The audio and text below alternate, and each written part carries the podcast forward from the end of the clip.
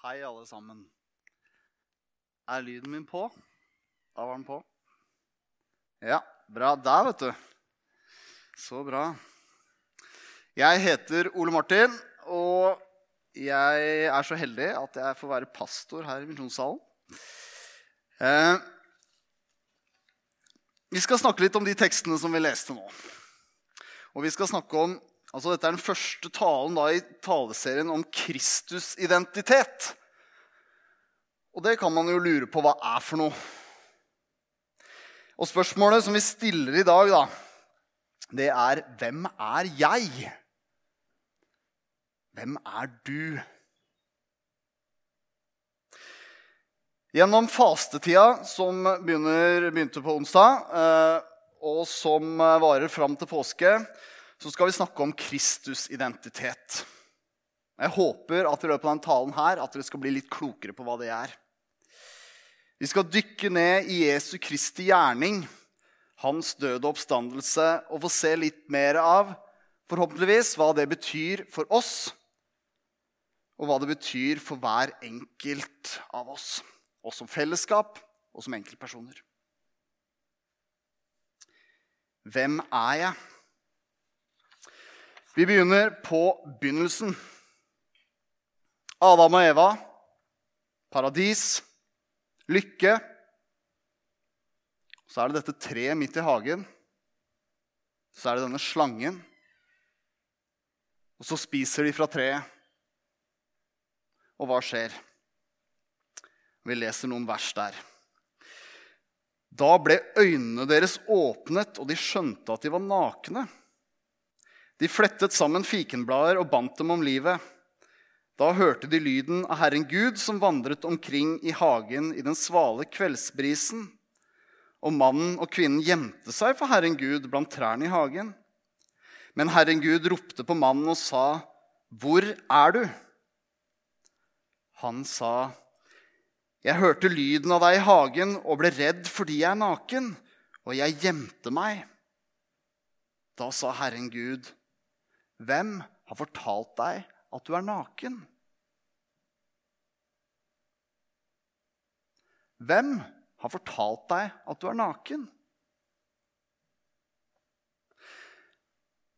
Adam og Eva hadde hatt sin identitet hos Gud, definert av Gud. Gud hadde vært den eneste stemmen som hadde fått besvare 'Hvem er jeg?' Før de så plutselig orienterer seg mot omverdenen.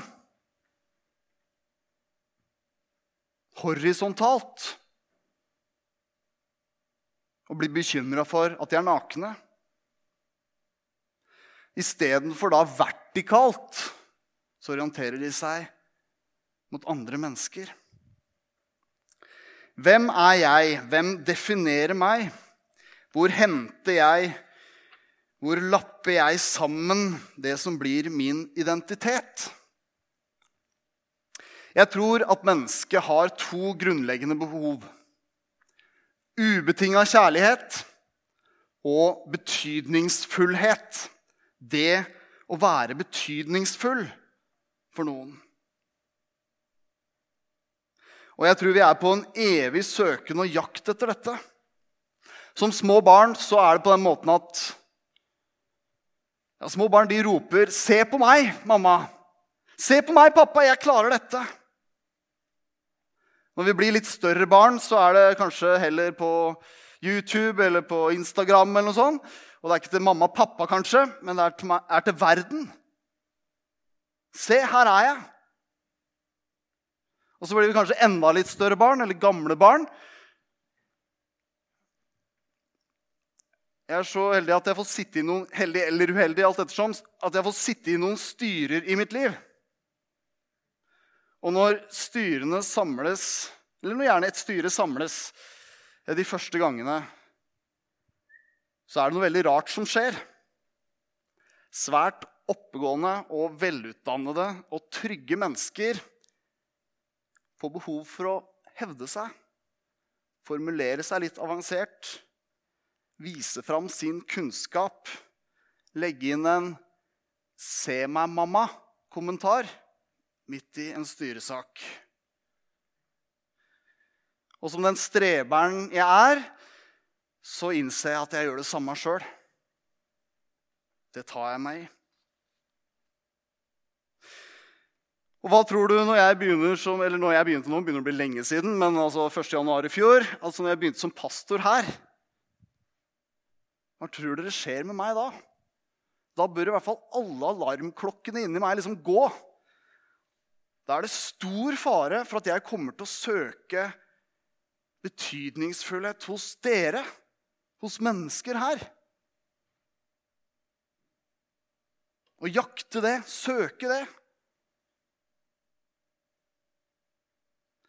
For det som skjer, er jo at vi forsøker å vise at vi er betydningsfulle, og derigjennom gjøre oss fortjent til ubetinga kjærlighet. Gjøre oss fortjent til ubetinga kjærlighet. Og Der er det jo en logisk brist. Da er den jo ikke ubetinga. Vi søker gjennom våre relasjoner og våre prestasjoner Gjennom det vi gjør, og gjennom de tilbakemeldingene som vi får. Og så bygger vi en identitet. Vi søker etter svaret på dagens spørsmål 'Hvem er jeg?' Vi søker horisontalt ut til omverdenen. Hva er galt med det, egentlig? Jeg tror det fins flere grunner, men jeg skal ta den mest dramatiske av de. Og det er det at vi har alle degraderende opplevelser i vårt liv. Noen har veldig mange, noen har litt færre. Men vi har de alle sammen. Du kan kjenne på opplevelsen av når noen har vært spydig mot deg. Eller når noen har sagt noe nedsettende til deg, kanskje særlig foran noen andre. At du har tapt ansikt. Noen har avvist deg når du trodde at dette hadde du gjort skikkelig bra. Når du kommer inn i et rom, og ingen snur seg, og det er i hvert fall ingen som smiler. Eller når du føler deg dum. Eller kanskje farligst når du når vi gjør et eller annet som er så forkastelig at det er helt uaktuelt å fortelle det til noen andre. Kanskje var det til og med noen som så det. Fordømmelsen fra meg selv, fra andre. Eller hva med den her? Hva om du følger han som du mistenker er Messias, rundt i landet i tre år? Du lever med ham, du sverger troskap til ham, du sverger på at du ikke skal fornekte ham. Så blir han tatt til fange, han blir torturert på det groveste. Du følger etter, og du vil hjelpe, men noen kjenner deg igjen og anklager deg. Men du svarer 'Menneske, jeg skjønner ikke hva du snakker om.' Og i det samme, før du har snakket ferdig, så galer hanen. Og så ser du at han som du har levd med de tre siste årene, han som blir torturert, han som er Messias, vender seg mot deg og ser gjennom dørsprekken og møter øynene dine. Og så husker du hva han sa til deg. Før hanen galer i natt, skal du fornekte meg tre ganger.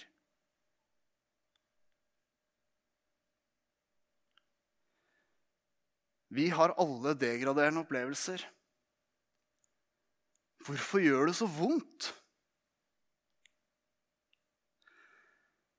Det tar fra meg verdi. Det går løs på identiteten min, hvem jeg er. Jeg veit ikke hva Peter tenkte, men han tenkte kanskje at han var en sviker av verste sort. Han gikk bort og gråt bittert.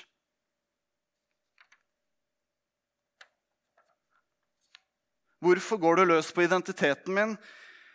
Jo, fordi det jeg gjør, det folk sier, omgivelsene mine, de får forme meg.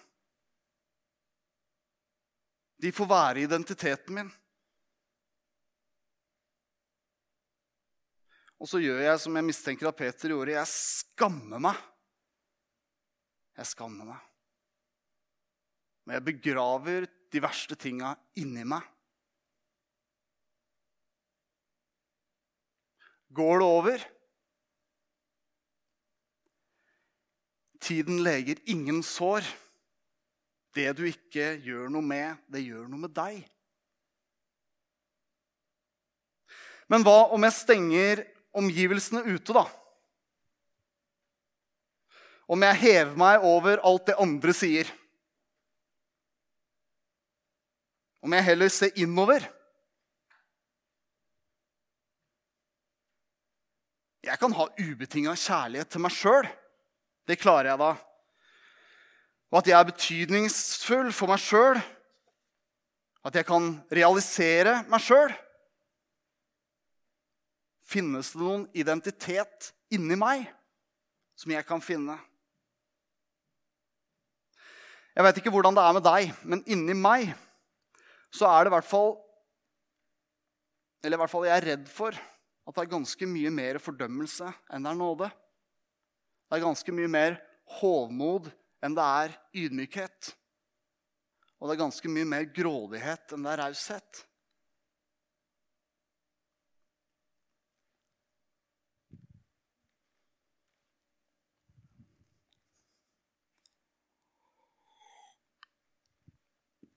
De gode nyhetene er at det fins en annen vei. Å henvende seg vertikalt i søken etter å finne ut hvem jeg er. Finne min identitet. Men hva finner jeg der? Vi leste i stad fra Jakobs brev.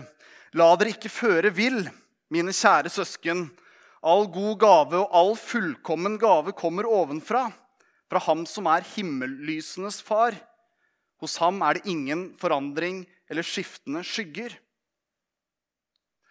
La oss ikke gå vill i søken etter hvem vi er. Fullkommen gave kommer ovenfra, og ikke forandring og skiftende skygger. Noe konstant. Så har vi denne litt vanskelige teksten, syns jeg, fra Romerbrevet 6. For hvilken identitet er det vi snakker om? Paulus skriver blant annet i løpet av disse versene Jeg tror det er markert ut. Vet, ja. vet dere ikke at alle vi som ble døpt til Kristus Jesus, ble døpt til hans død? Vi ble begravet med ham og som Kristus ble reist opp fra de døde ved sin fars herlighet, skal også vi vandre i et nytt liv. Et nytt liv. Vi vet jo at når Kristus er oppreist fra de døde, så dør han ikke mer. For døden har ikke makt over ham. Har ikke lenger makt over ham. For døden han døde, den døde han for synden en gang for alle. Men livet han lever, det lever han for Gud. På samme måte skal dere regne dere som døde for synden, men som levende for Gud i Kristus Jesus. Det er mye død mange ganger i denne teksten. Det kan gjøre det litt forvirrende. Men dåpen gjør at vi får en ny identitet i Kristus. Vi er sammenvokst med ham. Vi er med gjennom død, begravelse og oppstandelse til et nytt liv. Klær kan være et tydelig uttrykk for identitet. Og når vi blir båret til dåpen, så har vi en kjole som er altfor stor. Komisk stor, egentlig. Skal vi lese i Kolosserne 3.: Dere er Guds utvalgte, helliget og elsket av Ham. Kle dere derfor, kle dere derfor i inderlig medfølelse, og vær gode, milde, ydmyke og tålmodige. Dåpskappen som vi blir gitt, er en rettferdiggjørelseskappe. Og den er mer enn stor nok. Den er ikke bare mer enn stor nok til et lite barn. Den er mer enn stor nok for hele livet. Regn deg som død for synden, men som levende Gud, levende for Gud i Kristus Jesus. Bygg livet ditt på, bygg hele din identitet på at du er død for synden. Alt det du omgir deg med. Det horisontale som, forsøker, horisontale som forsøker å si noe om hvem du er. Uansett om du kommer utenfra, fra andre stemmer, eller om du kommer innenfra. Det kan ikke nå deg lenger.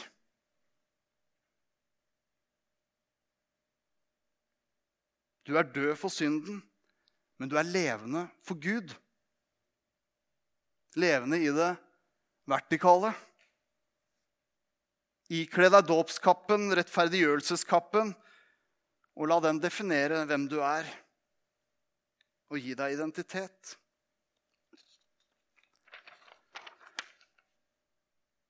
Men hvordan ser det her ut i ditt liv, Ole Martin? Vil du kanskje spørre. Så da lever du på en sky, en rosa sky, og synder aldri.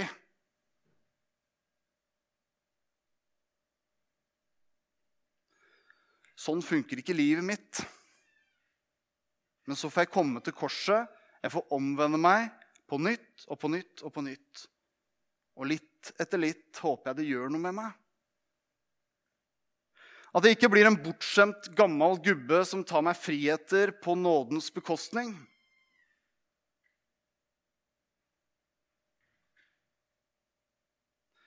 I Kolossebrevet 3 igjen så står det er dere da reist opp med Kristus, og søk det som er der oppe, hvor Kristus sitter ved Guds høyre hånd. La sinnet være vendt mot det som er der oppe, ikke mot det som er på jorden. Det må jo være forsøket, ikke sant? Å holde seg til det. Hang in there.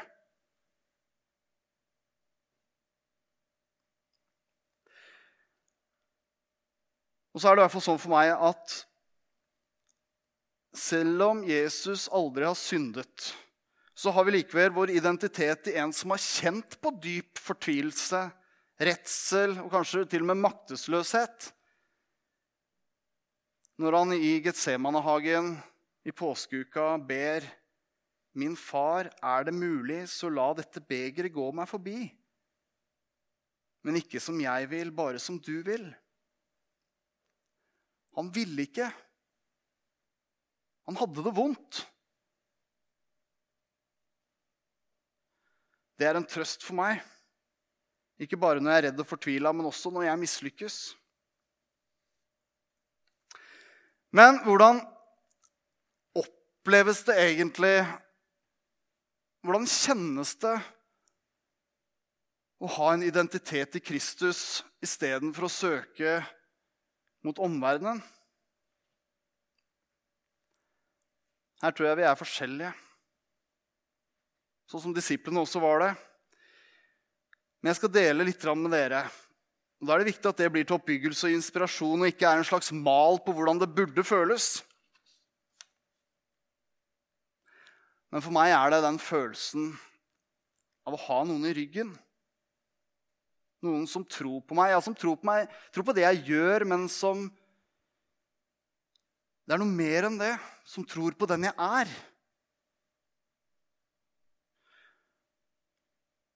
Og i og med at den tror på den jeg er, så tror den på meg hele tiden. Og ikke bare når jeg gjør det som er bra nok, eller gjør det rette. Men også når jeg feiler, og når det kladder seg. Og når det ikke er det som gjør det jeg, eller det jeg gjør, som er grunnen til at noen har ryggen min, så kan jeg også hvile istedenfor å gjøre. Og jeg kan lytte istedenfor å mase. For meg er det sånn at jeg kjenner det aller sterkest når jeg lukker igjen øya og ber. Da er det ikke bare noen jeg har i ryggen, men det er noen som omslutter meg. Jeg kan folde henda og kjenne den fjærlette tyngden av Gud, han som sier, 'Jeg har løst deg ut, jeg har kalt deg ved navn, du er min.' Du er dyrebar i mine øyne, høyt aktet og elsket.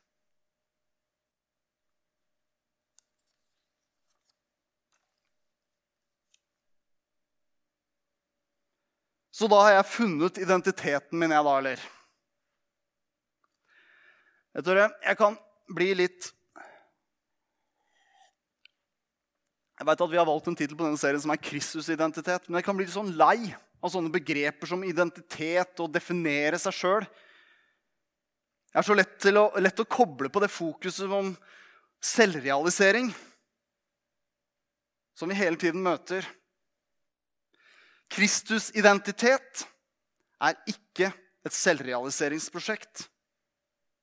Jesus blir så liten dersom det er mitt selvrealiseringsbehov dette her skal dreie seg om.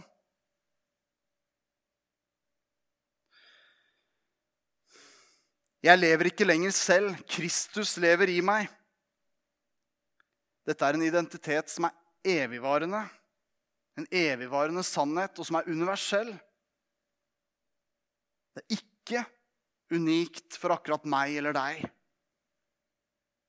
Hver enkelt trenger ikke å jakte den eller finne den sjøl. Fikse den sjøl. Det handler ikke om deg og meg og hvem folk sier vi er, eller hvem vi sier vi er sjøl. Det handler om Kristus.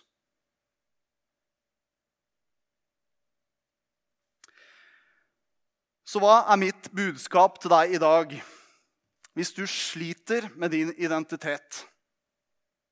Om du ser deg i speilet om morgenen og ser ned på deg sjøl og opplever at andre gjør det samme. Og så kommer du til misjonssalen eller til kirka andre steder, og så opplever du pastorer eller prester sånn som meg forteller deg at på toppen av det hele så er du en synder. Du som da lengter etter å rope ut 'Når skal jeg føle meg bedre?' Når skal jeg oppleve at jeg har verdi og ha en identitet som jeg liker, og som jeg kan leve med? Når jeg føler meg dritt, og så kommer jeg til kirka, og så får jeg i tillegg vite at jeg er en synder. Det blir sagt igjen og igjen. Når skal jeg få føle meg bedre?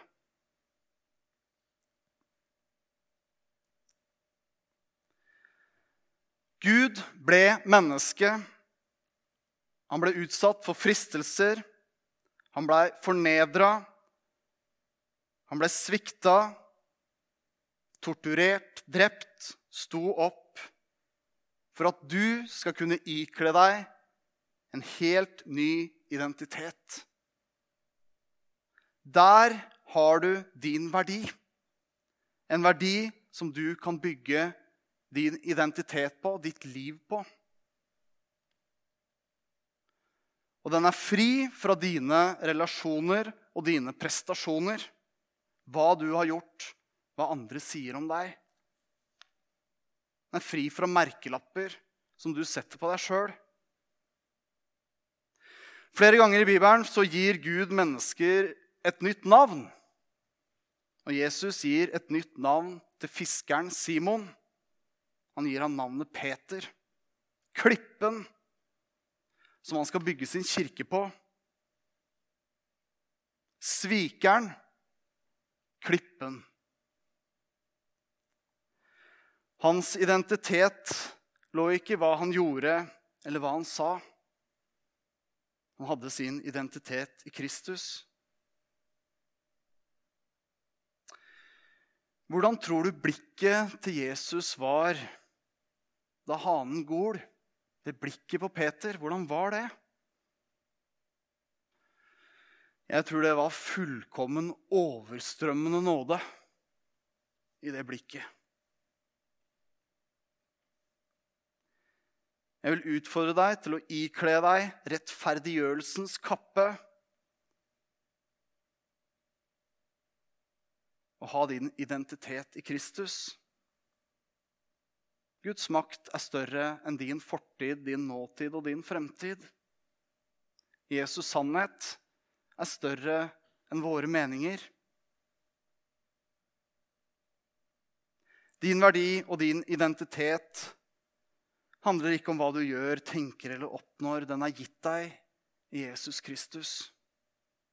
Han vet alt om deg. Han vender seg aldri vekk. Han møter ditt blikk når du er på bunnen, som han møtte Peters. Han møter det med nåde.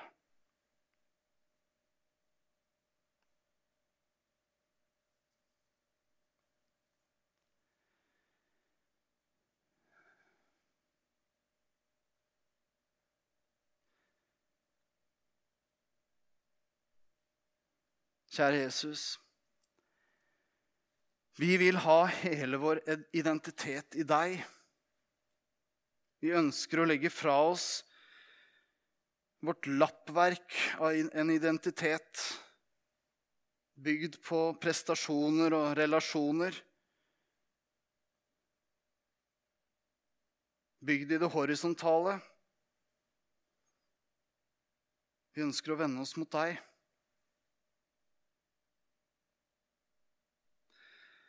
Vi proklamerer at vi i dåpen tok imot rettferdiggjørelsens kappe.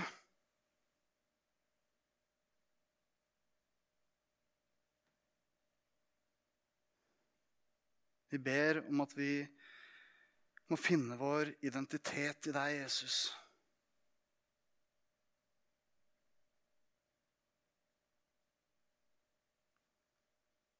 Det ber vi om i Jesu navn.